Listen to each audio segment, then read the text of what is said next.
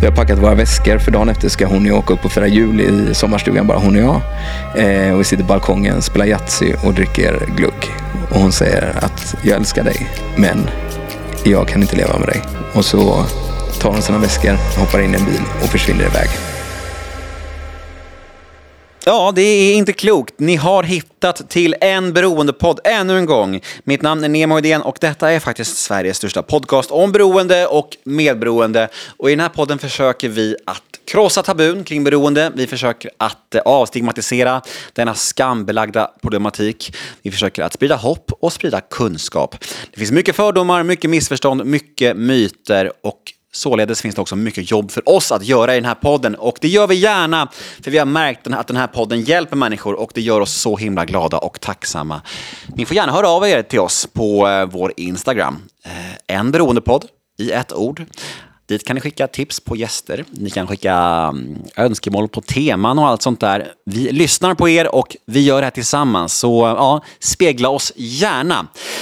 Idag har vi ännu en spännande gäst här i studion och eh, ja, han har en väldigt intressant historia, det vet jag, och han har en intressant business också som är kopplat starkt till den här sjukdomen som vi pratar om i den här podden vecka ut och vecka in. Han ska få berätta själv istället för att jag babblar om det.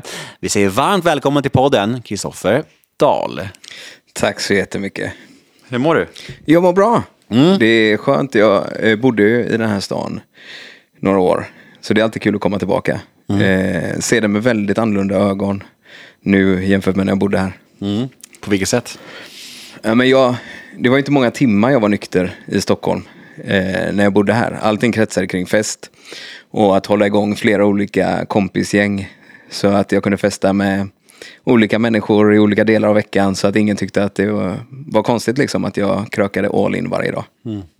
Vi är ju på The House eh, lokaler i eh, Stockholm här vid Skeppsbron och eh, när du gick hit nu så satt du på ett ställe och eh, vad var det du berättade därifrån? Ja men det var ju så sjukt, vi kommer komma in på det, vad det är jag gör. Men jag jobbar med något så konstigt som alkoholfri sprit. Mm. och så var jag lite tidig, så tänkte jag att jag sätter mig på något ställe. Och då satte jag mig på Matrosen, alldeles granne med här studion ligger. Eh, och så ser jag att de har eh, mitt egna varumärke Järn. Som är då är alkoholfri sprit. Och då sätter jag mig där, käkar smörrebröd och i eh, höstsolen i Stockholm dricker en iskall snaps av mitt egna varumärke. Det kändes som en fin revansch. Mm. Visste du om att de hade dina produkter? Nej, jag hade ingen Nej. aning. Shit, du har blivit så pass stor att du inte ens har koll på det nu. det låter drygt men eh, nu vet jag. Ja, nej men det är, det är inte drygt. Det är ju faktiskt ett kvitto på att det går väldigt bra för dig. Och det är, det är ju kul ju. Ja, absolut. Grattis till det. Eh, vi kommer komma till det som sagt, att du har en business inom alkoholfria alternativ som, är, som blomstrar otroligt mycket. Mm. Men eh, jag tänker att innan vi eh, går in på det, som är något som din life story säkert kommer landa i, tänker jag, så ska vi ju prata lite om ditt liv, mm. din historia. Om vi ska ta oss tillbaka från början och försöka bena ut din life story, vart tar vi oss då? Eh, men jag tror att man åker som med många andra tillbaka till barndomen. Eh, och jag har inte eh, frånvarande föräldrar eller en dålig uppväxt på något sätt. Men jag har haft en ångestproblematik från att jag var riktigt, riktigt liten. Och den eh, eh tedde sig på olika sätt. Jag var tvungen att ha koll på mina småsystrar hela tiden. Eh, mina sommarlov gick ut på att jag skulle stå på höga höjder och titta så att jag kunde ha koll på vart de var. Jag vågade aldrig åka ut och fiska eller någonting för att kunde jag inte ha koll på båda två samtidigt så blev ångesten för stor. Så det har funnits någon form av eh, separationsångest, rädsla att det ska hända någonting. Och den ångesten har jag funnits med mig hela livet. Och det i kombination med en dålig självkänsla. Eh, som gjorde att jag nog haft på mig de flesta olika hattar man kan ha, eh, speciellt under tonåren. Verkligen försökt hitta en plats där jag skulle passa in och höra hemma. Eh, och ångesten blev bara värre hela tiden. Och eh, 2005 så skulle jag bli pappa och jag var väldigt glad för det. Men då hittade jag en prick på mitt ben. Och hela mitt liv handlar om den här pricken på mitt ben. Superkonstigt. Jag har också haft en hypokondri i hela mitt liv. Eh, och jag var så fast besluten med att aha, nu ska jag dö. Eh, så 2005 till eh, så kom panikångesten dagligen. Alltså väldigt, väldigt, väldigt starkt. Och på kvällarna var den så stark att jag var tvungen att gå ut och gå varje kväll. Jag hade problem att äta. Och Men hur gammal var du då? Eh, 2005 var jag då 22. Men du pratade om att du hade ångest som barn och du pratade om hypokondri som också är en form av ångest får man ju säga. Ja. Var kommer det här ifrån tror du? Jag vet inte. Jag bodde en del hos min mormor och morfar när jag växte upp. Och, eh, min mormor dog tidigt i cancer och min morfar tog livet av sig. Och, eh, det var ju lite som att min trygghet rycktes ifrån mig där. Och jag vet inte om det är det som har speglat sig. Eller, jag, jag har inte kommit till den punkten att jag kan pinpointa exakt vad det beror på. Nej. Men det är en resa jag gör och jag hoppas jag ska kunna knäcka den nöten. Varför tror du att du var så överbeskyddande gentemot dina småsystrar? Hade inte dina föräldrar koll på dem eller? Jo, men det hade de ju säkert. Ja. Men eh, det, eh, min ena syster ramlade i vattnet vid ett tillfälle utan att mina föräldrar uppmärksammade det exakt vid den. Det hade inte hänt någonting garanterat. Men jag hoppade i efter och fast jag inte bottnade så, så räddade jag henne. Liksom. Och, Mm. Hur gamla eh, var ni då? Ja, men då var jag väl sju kanske. Mm. Sex kanske. Och eh, jag vet att det var en vändpunkt i varför jag blev överbeskyddande med, med dem. Liksom. Att jag var så rädd att något skulle hända dem. Men eh, okej, så du kliver in i, i vuxenlivet där. Men innan vi kommer in till det här med, med pricken och all Mm. ångest kring det.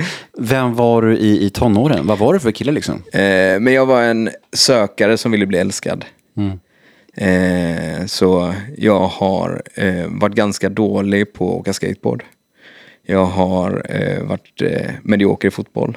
Jag, Kass eh, på allt. Ja, kass på allt. Ja. Jag ganska, Inte på att göra alkoholfria alternativ. Nej, det är jag ganska duktig på. Men jag var eh, ganska dålig på att måla graffiti. Ja. Men jag var väldigt bra på att våga sätta eh, den här eh, taggen på polisstationen eller på polisbilen. Jag ville gärna vara värst liksom. Mm.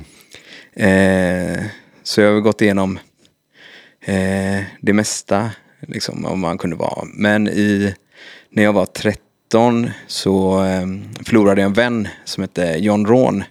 Han blev mördad av eh, ett gäng nazister i Kungälv där jag kommer ifrån.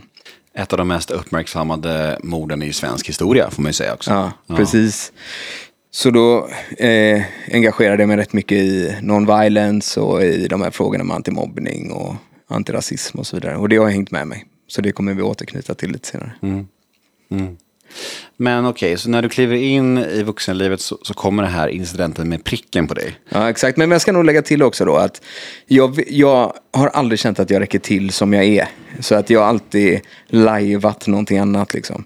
Eh, och man blir ganska bra på det. Om man gör det hela tiden. Och ett tag var det att jag hade så mycket pengar, eh, vilket jag verkligen inte hade. Eh, och och för att jag var tvungen att hitta en identitet som jag kunde trycka in i rummet innan jag själv gick in. Liksom. Och så har det varit egentligen hela livet. Men den här pricken då, som jag hittar, jag står och duschar, april 2005. Två månader senare ska jag bli pappa första gången. Eh, och det börjar med att jag blir sängliggande i två veckor. Och sen eh, tar en panikångest vid. Som håller i sig eh, varje kväll liksom, så får jag gå ut och gå. Gå tills jag är så trött att jag inte kan fortsätta vara vaken. Liksom. Så då kunde jag gå hem. Jag sov så lite att jag hade vanföreställningar. Eh, och så gick jag promenader tills jag gick hem och bara tog däckade helt enkelt. Och det gjorde jag varje dag utan uppehåll till december 2009. I fyra år? Ja, och jag hade inte en enda dag som var uppehåll. Det låter ju helt vansinnigt. Ja, det var slitsamt. Du måste bli lite smal. Ja, jag, det var faktiskt var en sån period i livet där. Fy fan alltså. Men, men var det ingen som sa någonting? Alltså, hade, du hade väl en tjej? Sa inte hon så här, nu får du skärpa till dig? Eh, jag tror inte jag varit så bra på, jag tror inte du heller varit så bra på att lyssna på andra. Nej, det, det där handlar inte om mig idag. Förs- Försök inte nu. Nej, det är klart att det har varit. Men, men samtidigt så det har inte riktigt framgått i historien än om du har på och knarka och supa här. Nej, men då, den perioden så, eh, fram till eh, ja, de första åren där under panikångesten, så drack jag nästan ingenting. Eh, utan jag hanterade min panikångest med att bara gå. Liksom. Så alkoholen kom in på, på, en, på en större skala eh, runt 2009. Men tjo- det som fick, fick min panikångest att eh, försvinna, det var faktiskt en svensk rappare som eh, heter PSDQ. som, eh, som sa att han kunde ta bort min panikångest. Mhm. Och det trodde jag inte på. Men det gjorde han. Och det var, så, det var en så jävla sjuk upplevelse. Då satt jag med honom i telefon. Och eh, han sa ring mig när panikångesten kommer ikväll. Och då ringde jag honom. Och så sa han så här, nu får du inte gå ut och gå. För det var det jag alltid gjorde, jag gick alltid ut och gick. Och så satt jag med honom i telefon och pratade med honom i flera timmar. Genom min panikångestattack. Och sen eh, avtog den. Och så var det precis som mitt huvud sa till mig. För att panikångestattacken utlöstes alltid på samma sätt. Och hjärtat började rusa. Och varenda dag, fast jag haft det varenda dag i så många år, så var jag helt säker på att jag skulle dö. Det var ju det, jag var fast eh, medveten om att nu ska jag dö. Och när jag kom igenom panikångestattacken genom att bara sitta och gå igenom den så var det precis som att hjärnan fattade. Aha, vänta lite nu. Du är lurad. Du kommer inte dö. Och efter den dagen har jag aldrig haft en panikångestattack igen. Alltså inte en enda gång. Mm. Så det var mäktigt. Mm. Speciellt alltså. Ja. Okej, men, men vart tar livet för riktning efter eh, det här då? För att då är ändå ett problem ut ur vägen liksom. Yes. Nej men då, eh, eh då hittar jag, då separerar jag och eh, min sons mamma. Jag blir varannan vecka pappa och jag ska ta igen alla år jag har missat med festandet. Eh, och det gjorde jag. Så då blev det ju fest nästan till eh, dagligen. De första åren var det så jävla roligt. Eh, jag hade så sjukt kul. Jag flyttade in till Göteborg. Jag kom från en kranskommun som heter Kungälv eh, och kom in till Göteborg. Eh, och där hade jag en släkting som ägde, ägde lite nattklubbar och restauranger så jag fick bra service med en gång. Jag var bra på att lära känna krogeliten. Jag var duktig på att lära känna kändisar. Och vilket gjorde att jag blev en, en viktig person. Och jag gillade det. Att, och samtidigt då så drev jag kläddistribution. Eh, där vi hade eh, Gwen Stefanis kläder, vi hade Fat Farm, Baby Fat och vi öppnade egna varumärken och det, det gick helt okej liksom. Och jag festade upp varenda krona som kom in. Rykten säger ju, eller en fågel viskade i mitt öra snarare, att du och jag festade ihop då, eller hur? Ja exakt, det gjorde vi. Du sa det till mig när du ringde mig för några, veckor sedan. Jag minns inte det här. Nej. Men, men, men vilket sammanhang var det? Jag skulle tro att det var lite samma resa som du gör. Du är med i din första tv-produktion. Helt plötsligt kommer de här inbjudningarna. Och det var ju samma för mig. Jag hade byggt upp eh, mitt rykte att jag spenderade pengar och att jag kände rätt människor. Och då får man inbjudningar till massa häftiga grejer. Och man älskar, jag älskade att få de, de inbjudningarna. Och det var ju något sånt eh, sammanhang. Du hade varit med i Kungen av Tylösand. Du var och festade i Göteborg. Eh, det var någon producent, undrar om hon hette Kim. Jag minns inte. Nej, alltså. den, här, den här hösten är en dimma. Ja, jag förstår det. Det är, det är som resten av mitt liv. Ja. Ja. Eh, ja, då festade vi i alla fall. Och jag kommer ihåg att jag var rätt stolt över det. Där Mm. då. Ja. Kul. Ja. Kul att man kan glädja folk. Ja, exakt, exakt. Men det var nog inte för din personlighet, det var nog för ditt namn. Det kan jag tänka mig. Ja. Det, var, det var oftast så då. Ja, exakt. Ja, ja. Eh, och så träffade jag en tjej samtidigt som det. Och var men, liksom kär och lycklig och eh, festen var, började väl bli ett litet problem. Att jag eh, började prioritera det mer och mer. Eh, och sen 2011 så är det julafton. Och här kommer the dealbreaker. Eh, 2011 julafton. Eh, jag och min tjej bodde på Avenyn. Och min pappa bodde 200 meter därifrån. Det var dagen innan julafton. var det. Och vi går upp till hans lägenhet och firar förjul med mina syskon och alltihopa. Jag är så jävla lycklig. Vi går tillbaka till vår lägenhet som är perfekt julpyntad. Paketen ligger under granen. Vi har packat våra väskor för dagen efter ska hon ju åka upp och fira jul i sommarstugan, bara hon och jag. Eh, och vi sitter på balkongen, spelar Yatzy och dricker glugg. Och hon säger att jag älskar dig, men jag kan inte leva med dig. Och så tar hon sina väskor eh, och så går hon ut ur lägenheten. Och jag går igenom lägenheten, tittar ut på Avenyn och ser hon hoppar in i en bil och försvinner iväg. Eh, och där då så skriver jag ner mina tankar med en röd spritpenna på min deklaration i diktform. Det är så jag alltid har hanterat mina känslor. Och så började vi kröka. Och sen så kom eh, julafton passerade. Jag käkade dillchips och försökte ragga på brudar på Facebook som var, råkade vara online. Eh, och eh, för att dämpa min ångest. Men varför stack hon för? Eh, Men alltså, vi hade en extremt stormig relation. Eh, jag var inte bra. Eh, och det var stormigt. Mycket, mycket känslor, mycket drama. Och, och även en stark kärlek. Mhm. Det är svårt. Mm. Och sen kom juldagen, eh, min födelsedag. Och jag hade massa vänner som kom över och jag mörkade den här eh, relationssplitten. Och Martin Westerstrand, en kompis med mig som är sångare i ett band som heter Lilla Syster, går in i sovrummet för att ringa och öppnar dörren och håller upp den här deklarationen med den här röda sprit, eh, eh, röda texten på liksom. Och jag bara försökte hinta honom, bara lägg undan den här liksom. Typ, det här ska inte komma ut. Och så gick det några månader och sen så ringer han mig och säger, sätt på P3 eh, klockan 14. Och då så har de gjort en låt på den eh, texten som jag skrev. Eh, som heter Så jävla bra. Som faktiskt sålde Platinum nu. Eh, parentes. Men då flyttade jag till Stockholm för att rymma allting. Lärde känna fler kända människor. Tyckte eh, det var perfekt liksom. Eh, Ja, Har det varit en jakt i livet? ja, men det, min jakt har ju varit att, att vara någon. Mm. Att liksom eh, Eh, vara någon som folk bryr sig om och som någon, någon som någon tycker är cool eller framgångsrik eller någonting. Och det är ju asenkelt att bara ha kända kompisar. Om det räcker för att du ska vara nöjd liksom. Jag trodde att det var hela grejen. Eh, men ganska så snabbt så fuckade jag upp eh, allting liksom så här. Pengarna tog eh, slut. Eh, jag började kissa ner mig på krogen och fick fejka det genom att välta över en bricka GT över byxorna liksom. Och, eh, jag blev av med boendet. Så då bodde jag i en Porsche som hade, för det var viktigt att det skulle se bra ut. Problemet var bara att jag hade inte betalt leasingavgiften på den Porschen på jag vet inte, åtta månader eller någonting. Så en dag så eh, vaknade jag bakfull som ett svin i bilen och att det knackade på rutan och där står polisen och de säger bara Kristoffer, du vet vad det här gäller, ge oss nyckeln. Och så boxerade de upp den på eh, en bärgningsbil. Och jag hade ju allt jag ägde där i den bilen liksom. Och så sa de, du får ta ut dina grejer. Och så tittade jag in och såg alla de här grejerna och insåg vad fan ska jag göra med dem?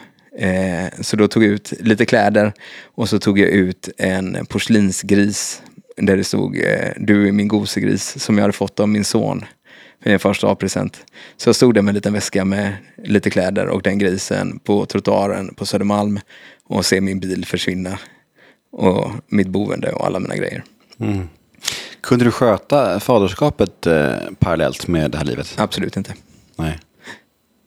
Så när jag flyttade till Stockholm så eh, svek jag honom monumentalt. Liksom. Mm. Han bodde kvar här då? Han bodde kvar med sin Göteborg. mamma Göteborg? i Göteborg. Det var flera gånger där jag sa, ja men jag kommer och hämtar dig och, och sådär. Eh, och dök aldrig upp. Och det är nu när jag blivit nykter som jag får reda på, när vi kan prata om det. Han är 18 år idag. Där han kan förklara för mig hur det kändes att stå där med sin packade väska och vänta på att pappa ska hämta upp dig.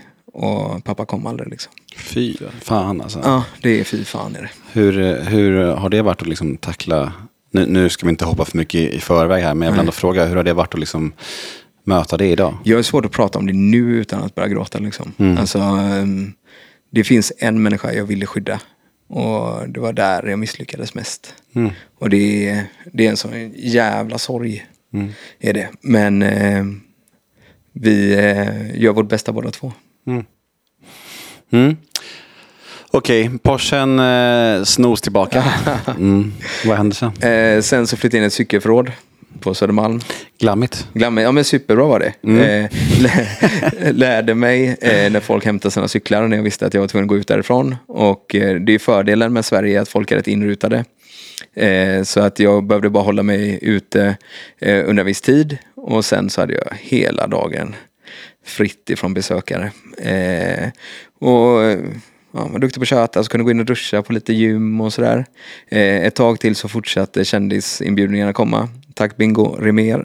Så när alla gick dit och, eh, för att synas så gick jag dit för att äta mig mätt på kanapéer och dricka så mycket alkohol jag bara kunde komma över. Mm. Fan, är, man, blir ganska, man blir ganska listig alltså, när man är i ett missbruk. Man blir liksom proffs på att ändå ta sig fram. Ja, verkligen. Och där vill jag också gå ut nu när jag har chansen att nå ut till en bred massa. Eh, är jag skyldig någon pengar fortfarande så får ni gärna höra av er. Alltså när jag var som allra längst ner i, i min skit så då brukade jag gå in på sådana här, du vet, blodcentraler. Där, man, där det alltid finns en sån här mackbuffé. Och så skrev jag, alltså fejkade jag att jag skrev in mina uppgifter och väntade på att lämna blod. Så jag satte mig där och åt mackor och åt mig mätt, sen drog jag vidare. Och det gjorde jag liksom så här två, tre gånger i veckan när det var som sämst. Men å andra sidan så tycker jag ändå att det var ett bra alternativ. eh, För jag tror inte någon hade uppskattat ditt blod just då. Nej, så är det absolut. Men det är ändå så här, ja, det det man gör vad man måste för att ta sig fram när det, när det är som mörkast. Ja Liksom. men så är det ju definitivt. Och så ligger det i cykelförrådet och eh, det sjuka är liksom hur allting blir en vardag. Hur man anpassar sig liksom. Alltså det är så, idag är det så konstigt att förstå. Men då så fick jag ett samtal. Eh, eh, jag fick bli erbjuden ett, ett jättebra jobb nere i Göteborg. Eh, jag kunde börja dagen efter. Eh, jag lånade pengar till en tågbiljett eh, och lånade pengar till eh, kläder. Och så tog jag tåget till Göteborg, köpte kläder och så satt jag på ett, eh, ett fint kontor i Göteborg dagen efter. Utan att någon där kunde ana att jag hade legat i ett cykelförråd dagen innan. Och då fick jag eh, ganska bra inkomst. Igen, jag fick lägenhet och bil och allting utav företaget. Eh, och sagan upprepar sig ganska så snabbt igen liksom. Eh, blåste det totalt liksom. Och sen har ju livet, det har varit liksom en ganska återkommande nämnare. Att jag kan hålla uppe skenet ett halvår ungefär. Och sen raserar jag det. Sen gjorde jag den vändan igen på ett annat, ett annat samarbete. Och så eh, startade jag så småningom ett, eh, ett eh, väskbolag och då gjorde jag samtidigt en välgörenhetsgrej eh, med ett företag som jag döpte till Skamklär. Där vi eh, gjorde tröjor eh, som byggde på citat från tv-serien Skam. Där alla pengar gick till välgörenhet och till då John Ron, eh, hans minnesfond, och för att uppmärksamma honom och sådär. Eh, och så skrev jag samtidigt en eh, ungdomsbok som heter Skam. Eh, och då var livet ganska så bra. Eh, jag flyttade ut till landet, hade lite anker. Eh, det var rätt gött. Jag var nykter ett halvår.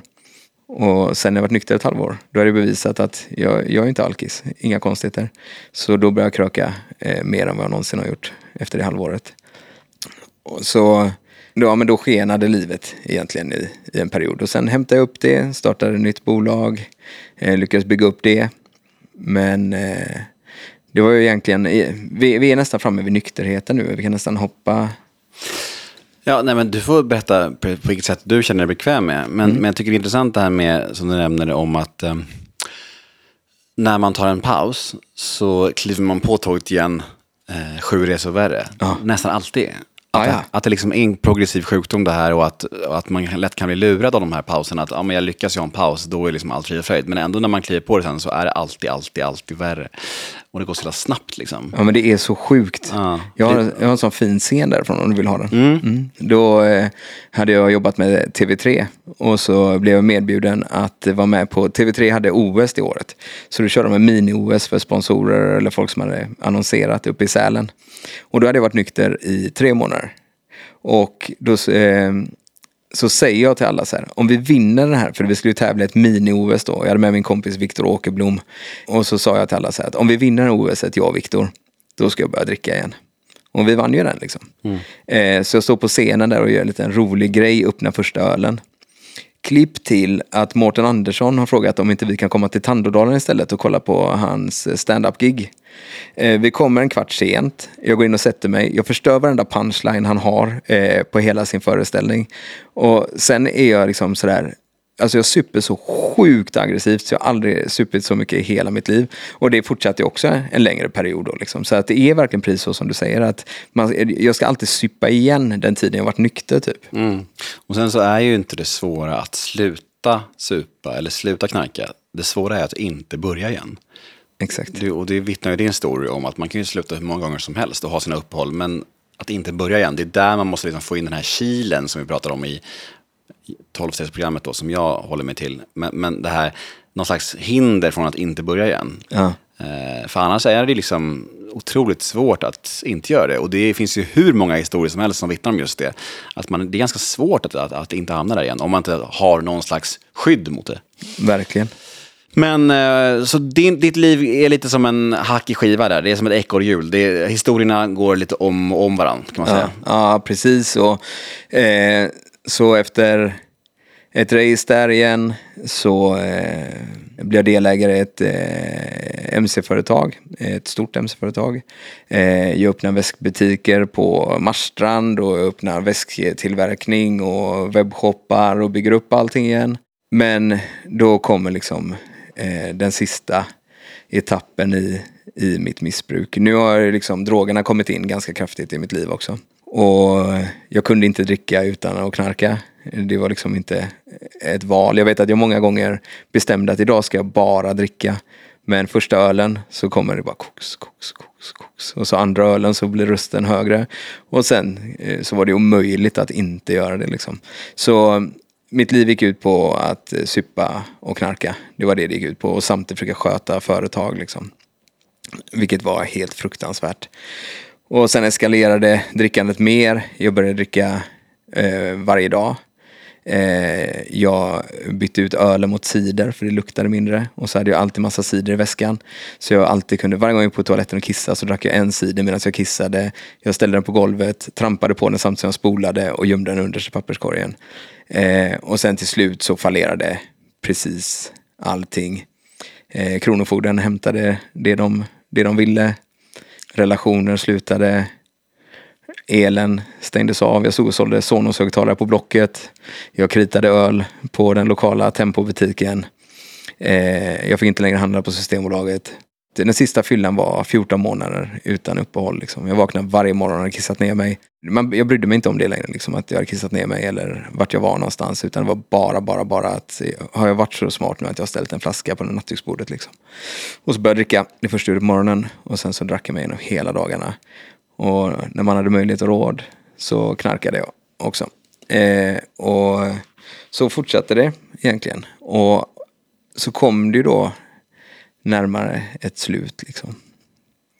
Eh, det visste jag inte där då, att det var närmare slut. Men eh, jag mådde väldigt dåligt fysiskt. Det slet ganska hårt att knarka och supa så mycket. Liksom. Eh, ångesten var ohanterbar. Så att vara nykter var inte ett alternativ, för då hade jag avslutat mitt liv. Så jag behövde hela tiden bara hålla uppe eh, en flykt. Liksom. Eh, men av någon anledning så hamnade jag i Göteborg. Jag vet faktiskt fortfarande inte riktigt varför. Jag hade varit vaken i tre dagar. Eh, jag gick upp till min pappa. Jag hamnade i bråk med honom. Eh, gick ut och festade, gjorde bort mig överallt. Blev liksom, gamla kompisar till mig bara typ putte på mig och bara stick liksom. Du vet. Och då, jag, jag, var, jag var inte närvarande, jag var i något fantasiland. Eh, och eh, sen så eh, på natten vet jag när alla ställen hade stängt och jag inte kunde krita på några fler ställen eller lura till mig mer eller låna mer. Så var jag ute och gick bara. Jag hade ingenstans att bo där. Eh, så jag var ute och bara gick. Och så hängde jag utanför 7-Eleven för jag hade kontantkort utan eh, data. Men där på, till alla mina hemlösa vänner, 7-Eleven eh, är er vän. Där finns det wifi på nattetid när det är stängt. Eh, så satt jag och googlade när första stället öppnade liksom. Och då hittade jag att det var en Kina-restaurang i stadsdelen Haga i Göteborg som öppnade 11. 10.55, står utanför, inte sovit på tre dagar. Och går in och hade fått tag i här hittat någon som jag festade med dagen innan så jag hade fått tag i ladd. Eh, så eh, jag satt och drack starköl och gick in på toa och drog ladd. Eh, och så fortsatte det hela tiden liksom. Eh, och så kom jag på, men vänta lite nu, nu kommer lunchgästerna komma in. De kommer tycka att jag är konstig om jag bara sitter här och dricker. Så jag köpte en fyra små rätter Eh, för att ingen skulle fatta någonting. Liksom. Då pratar vi om en kille som har 14 månaders fylla bakom sig, har varit vaken i tre dagar och går in på toaletten och knarkar var 30 minut. Liksom. Men jag trodde ju så att de här fyra smarterna skulle rädda mig. Liksom. Mm. Och sen så eh, var jag tvungen att gå därifrån. Jag hade inga pengar att betala med, så jag fick lämna mitt körkort i pant. Och så gick jag därifrån. Eh, och den dagen eskalerade. Och det jag inte visste då var att jag var efterlyst av min familj. Eh, och hade varit det ett tag. Liksom. Jag hade ingen koll på det. Eh, så polisen tar, tar mig där liksom. Och så håller de mig ett tag, eh, ett gäng timmar. Och när de släpper mig så kommer jag att min fråga var, vad är klockan? Ja, den är halv tolv. Är den halv tolv på dagen eller halv tolv på kvällen? Den är halv tolv på kvällen. Och kom ihåg att jag, den lyckan jag kände, för jag visste att rockbaren i Göteborg var uppe till tre. Så jag kunde gå upp dit och fortsätta dricka. Och sen så blev det efterfest. Och sen morgonen där, då kom det där smset som förändrade mitt liv. Och ehm, då var det från min sons mamma som jag separerade från 2008. Vi är nu på 2020. Alltså 12 år senare, eller 2021, ja någonstans där. 12 år senare så får jag ett sms där det står så här. Jag bryr mig inte om vad du har gjort. Jag bryr mig inte om vad som har hänt överhuvudtaget. Jag vill bara veta var du är. Och det var så enkelt att svara på det smset. Så jag bara skickade adressen jag var på. Hon kom och hämtade mig. Och så eh, gav hon mig ett rum i sitt hus. Och så sa hon att här får du vara så länge du är nykter. Och sen första kvällen så var hon tvungen att åka iväg en stund. Så då hämtade hon en iPad och sa, vill du lyssna på någonting? Ja men sätt på någon podd liksom. Och jag kan bara tipsa till alla er ute som fortfarande lider och ska bli nyktra. Eh, det här avsnittet ska ni undvika, för det hon satte på var P3 Historia, Mozarts långa lidande mot döden. Och jag kunde inte koden på iPaden och jag ville inte heller ha tystnad. Liksom. Så att det, det var en fruktansvärd kväll var det. Mörker. Ja, mörker, ja riktigt mörker. Men eh, vad händer efter eh, den här incidenten då, när hon har hämtat dig? Och... Eh, nej men då känner jag själv att jag har druckit klart. Mm. Jag, det löste inte mina problem längre. Liksom. Alltså, alkoholen hade alltid, alltid tagit bort min ångest. Alltid, alltid, alltid. Den funkar ju sämre och sämre och sämre med uppgiften den hade. Men den funkade fortfarande. Det behövdes bara mer. Och lite till och lite krydda och lite extra av allt. Men nu funkar den inte längre.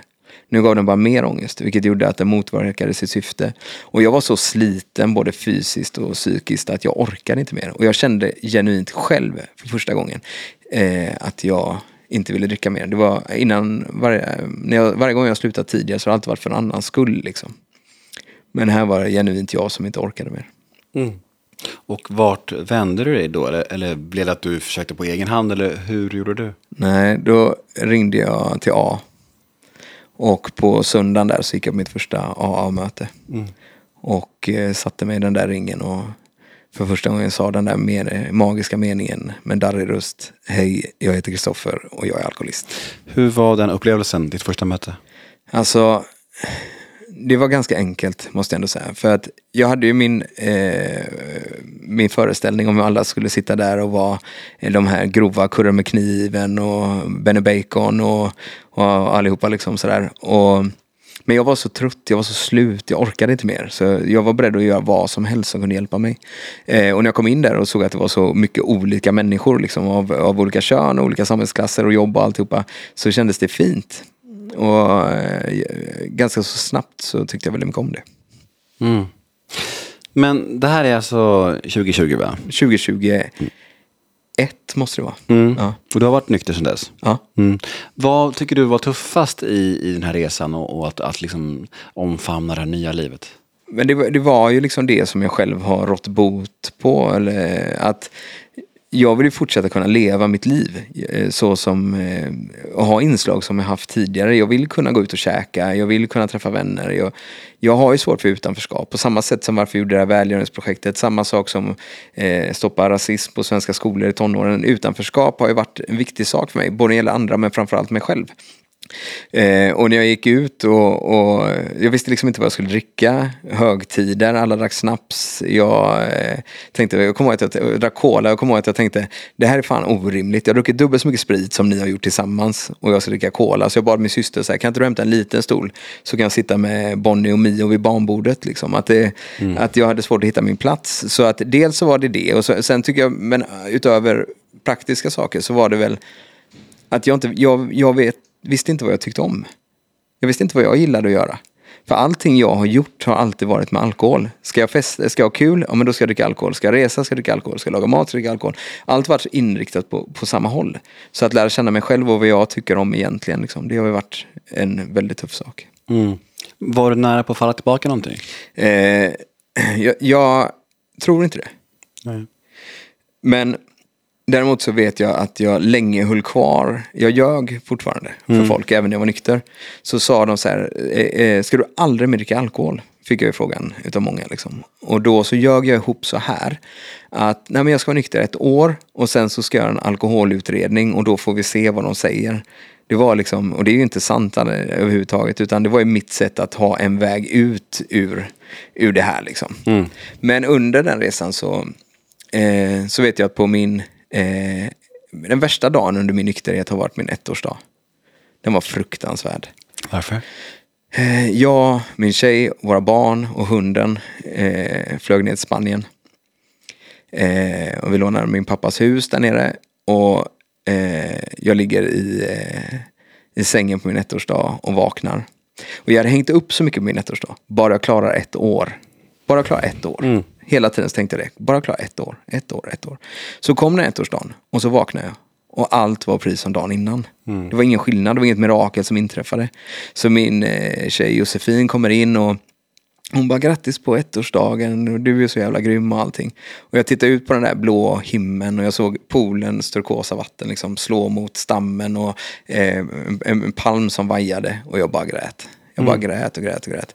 Och på något sätt är det så jävla mycket värre att gråta i ett paradis än att grina i gråa Göteborg. Men, men eh, är, är det här samma kvinna som du fick din första son med? Nej, det är det inte. Nej. Utan Josefin träffade jag efter jag blev nykter. Ja. Så hon har aldrig sett mig full. Nej. Och Och- ni har också barn? Nej, hon har eh, två barn sedan tidigare. Okej, så- men du har ett barn? Jag har ett barn. Mm. Okej, bara så får du lite klarhet Ja, precis. Nej, Ja. men jag är ett biologiskt barn. Ja. Och sen så har Josefin eh, tre barn. Var två av de yngsta barnen, eh, deras pappa lever inte längre. Nej. Så att eh, jag har fått spela en viktig roll som jag är väldigt stolt över. Mm. Okej, så ettårsdagen är tuff. Ja. Men, men, men förutom den tuffa ettårsdagen, det här med sidovinster i nykterheten, vad, vad, vad kunde du känna blev avsevärt bättre ganska fort? Ja men det är som, alltså med en gång om man säger att jag går in i AA så blev det mitt nya beroende nästan. Alltså jag blev high on life i AA.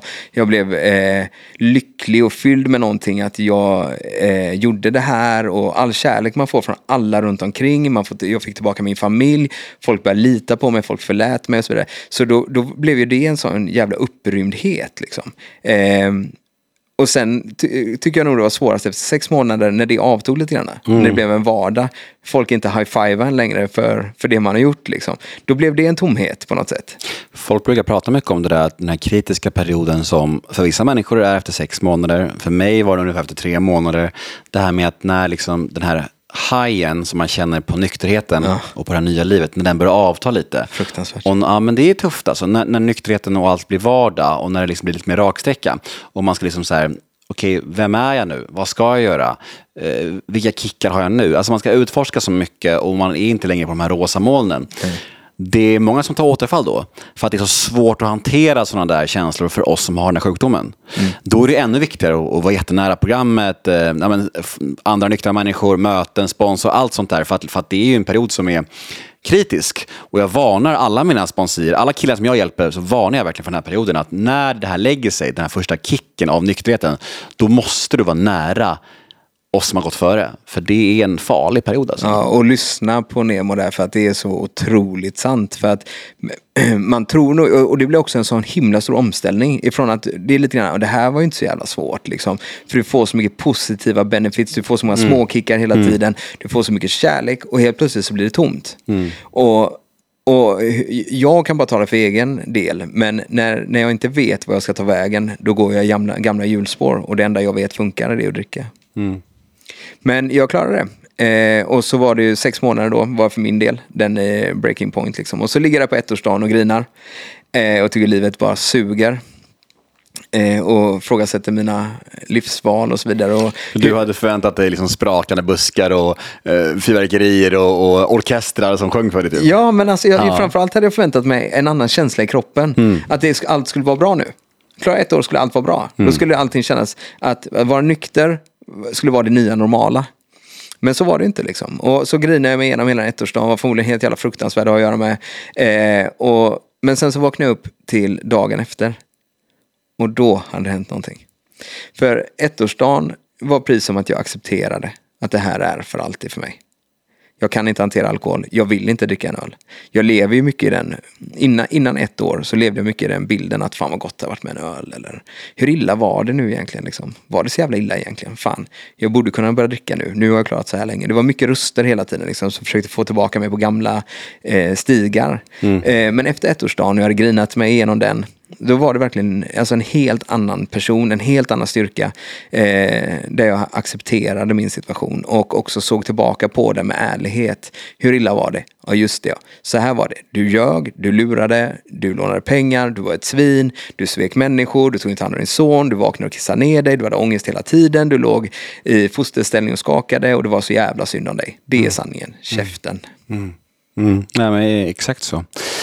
Vi ska koppla in eh, våra vänner från The House Rehab nu för att svara på en liten lyssnarfråga i segmentet som heter The House svarar.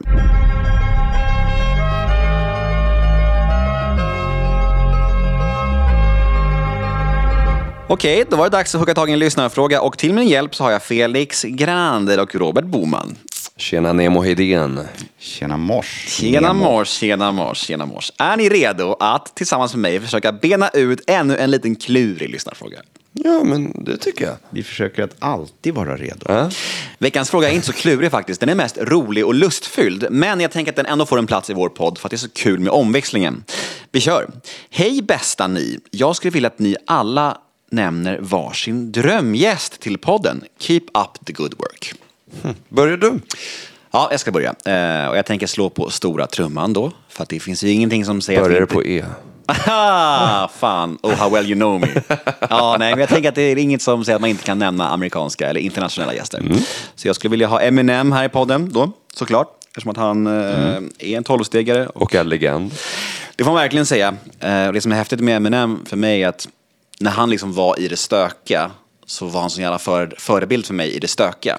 Jag stod längst fram i Globen när han snackade om knark och jag bara var 14 år och bara det här är ballast jag har sett. Och sen blev han nykter och då kände jag så här, vad händer nu? Ja. Och nu är han liksom en förebild i nykterheten. Det är han. Det är fint hur det kan bli så att man följer med sina idoler liksom. Väldigt fint. Han är ju min stora hjälte liksom. Så om du hör det här Eminem, du är välkommen till podden när du vill. Dörren står öppen. Ni då? Oj, ja nu eh, sa ju du en rolig, intressant gäst. Eh, jag måste nog tyvärr säga att jag blir kanske den lite tråkiga då eh, i rummet här idag. Jag skulle tycka att det var väldigt intressant om vi fick hit eh, våra partiledare. Eh, och diskutera, diskutera eh, hälsovården, eh, beroendevården eh, och hur man kan förbättra den och vad de hur de ser på den här problematiken. Ja, på den här sjukdomen. Tyvärr tog du mitt svar nu. Är det så jag vill flika in. Men jag, jag tycker jag hade, hade tyckt det var väldigt intressant att få se våra makthavares egna, deras egna syn på den här sjukdomen. Och liksom vad de verkligen tänker om det. Eh, det hade varit väldigt givande. Mm, inte kanske för att se hur det påverkar hur de sköter sin politik. Men just att få se vad det är som försiggår hos dem. Liksom. Tråkigt har- att han tog min gäst. Ja, och du har ingen extra på lager? Nej. Du får, du får ta en reservis nu. Ja. Ja men då gör jag en shoutout till min kompis Diamant. Ja. Diamant Salihu, ja men han kommer väl? Så. Ja men då så, det, det, du. Ja men eh, okej, om man vill komma i kontakt eh, med The House Rehab och eh, om man är nyfiken på er, vad ni gör och kanske behöver hjälp av er, hur gör man då? Ja, men då kan man mejla till alicia.thehouserehab.com. Ja, och så kan man hitta vårt telefonnummer på vår hemsida. Thehouserehab.com. Precis. Tack för idag. Tack, Tack så mycket. Mm, tack The House och tack du med din fina lyssnarfråga. Hoppas du är nöjd med ditt svar. Jag sitter här med Kristoffer Dahl och vi eh, har snackat lite med honom om hans livshistoria. Och eh, ja, Vi har nu kommit till eh, nykterheten och du har tagit dig igenom en traumatisk och omskakande och ganska deppig ettårsdag. Kommit ut helskinnad på andra sidan trots allt. Vad som händer är efter det att ditt liv ändå tar fart på allvar igen och eh, fram tills där vi är nu. Vi kan prata lite om det nu, tänker jag. Mm, Din, din business och vad du gör och hur den idén föddes och ja, hur snabbt in i nykterheten kom tanken om att du vill göra det som du gör nu och det som du gör väldigt bra. Eh, nej men det kom ganska så tidigt, det vi var inne på lite förut, att eh, jag kände utanförskap när jag var ute och drack. Och, du vet, och så gick jag på krogen och så beställde jag en alkoholfri drink. Och så hämtade folk, bartendern ville så gärna göra något bra till mig. Liksom. De hämtade alla juicer de hade i fastigheten och när de var klara så ropade de efter någon som hette Annika och frågade vad mangojuicen var. Och jag drack inte tequila sunrise som alkis, jag hade inga större planer på att börja göra det när jag var nykter. Eh, och jag ville ha ett vuxet alternativ. Jag valde inte att vara barn, jag valde att vara nykter. Eh, julen, samma sak. Så då började det här som ett terapiprojekt. Liksom. Att jag började bygga upp en affärsidé. Det skulle absolut inte bli ett företag. Eh, utan jag ritade upp mina idéer, jag skrev varumärkeshistorien. Jag satt och söp med en kvinna i Riksgränsen för många år sedan. Som hade en sån cool berättelse om sin mamma. Jag lånade in den in i varumärket och verkligen gjorde klart allting. Tog en kille som heter Filippo Ordonado som satte designen, så allting var färdigt. Och som, ja, men som missbrukare är jag ganska dålig på att göra grejer lagom. Liksom. Jag skulle köra go-kart en gång, jag gjorde det varje dag i 14 dagar. Liksom. Eh, och, eh, så helt plötsligt fanns allting. Hela produkten fanns och det fanns en efterfrågan på den. Men jag hade ingen eh, vätska, jag hade inget att fylla flaskan med. Och jag kunde ingenting om det. Så då började jag ta in offerter på vad det här skulle kosta och hur man gör. Och alla sa att det var möjligt att göra alkoholfri sprit. För det var det jag skulle göra. Jag skulle göra alkoholfri snaps, alkoholfri shot och alkoholfri sprit. Och alla sa att det går inte att göra det så som du vill göra det. Det går inte att göra ett destilleri, det går inte att göra på, på det här viset. Och jag sa det att jag ska göra alkoholfri sprit utan elavtal, på källvatten, på färska örter, på aromer och jag ska göra det på destilleri och jag ska göra efter konstens alla regler och det ska vara världens bästa. Och det är vad jag vill ha offert på. Och kan du inte göra det så vill jag inte ha din offert. Och då fick jag in flera offerter och en av dem stämde väldigt bra överens med det jag vill göra. Och den var på 4,5 miljoner. Och då sa jag perfekt, för det är exakt vad jag har. Fast i skulder. Eh, och de var inte superintresserade av att byta mina skuldsedlar mot eh, den här produktionen. Eh, så då började jag äska kapital och då är det ett börsbolag uppe i Stockholm som hör av sig.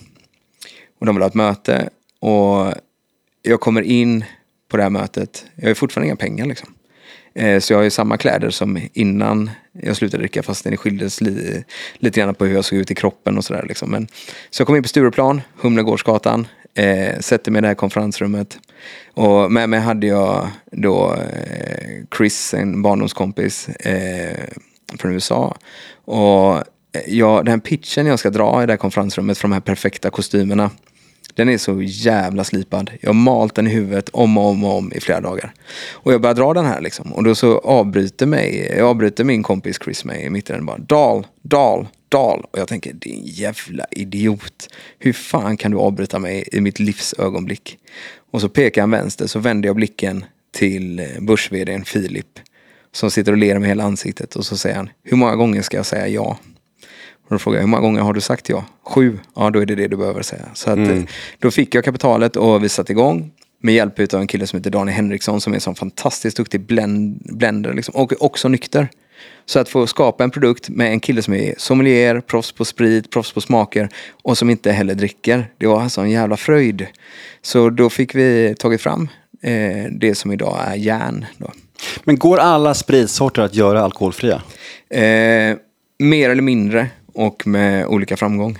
Mm. Vilken blir godast tycker du, alltså mest lik originalet och vilken går knappt att göra? Eh, Ärligt nu. ja, men om vi pratar alkoholdrycker istället. Så kan vi säga att rödvin är en utmaning. Men pratar vi sprit så kommer, alltså det mesta går att göra. Det gäller ju bara att hitta eh, en take på det. Eh, för vad är målet med det? Är det en sprit som ska drickas rent? Är det en sprit som ska blandas? Många av de andra företag som har gjort alkoholfri sprit innan, då har kravet varit att det ska blandas med någonting. Mitt krav har varit att det ska gå att dricka rent. Men hur eh, pass likt är det? Alltså, eh, känner man tydlig skillnad på en alkohol gin och tonic eh, kontra din gin tonic? Ja, våran gin är inte släppt ännu. Nej, men när den släpps då? Ja, eh, då sitter allting där. Mm, du tycker att då, då, då, då kan man knappt känna skillnad?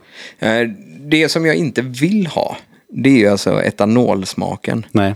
Den, den vill jag ju inte ha med. Nej, nej, nej. Den hade gått att fejka. Nej, för man vill ju helst inte att, att alkisar ska triggas av det heller. Nej, exakt. Nej, Så hade jag, hade jag tagit med den, då hade du inte känt någon större skillnad. nej jag fattar. Eh, men som det vi gör idag, då gör vi till exempel det som heter järnvit, som är vår storsäljare.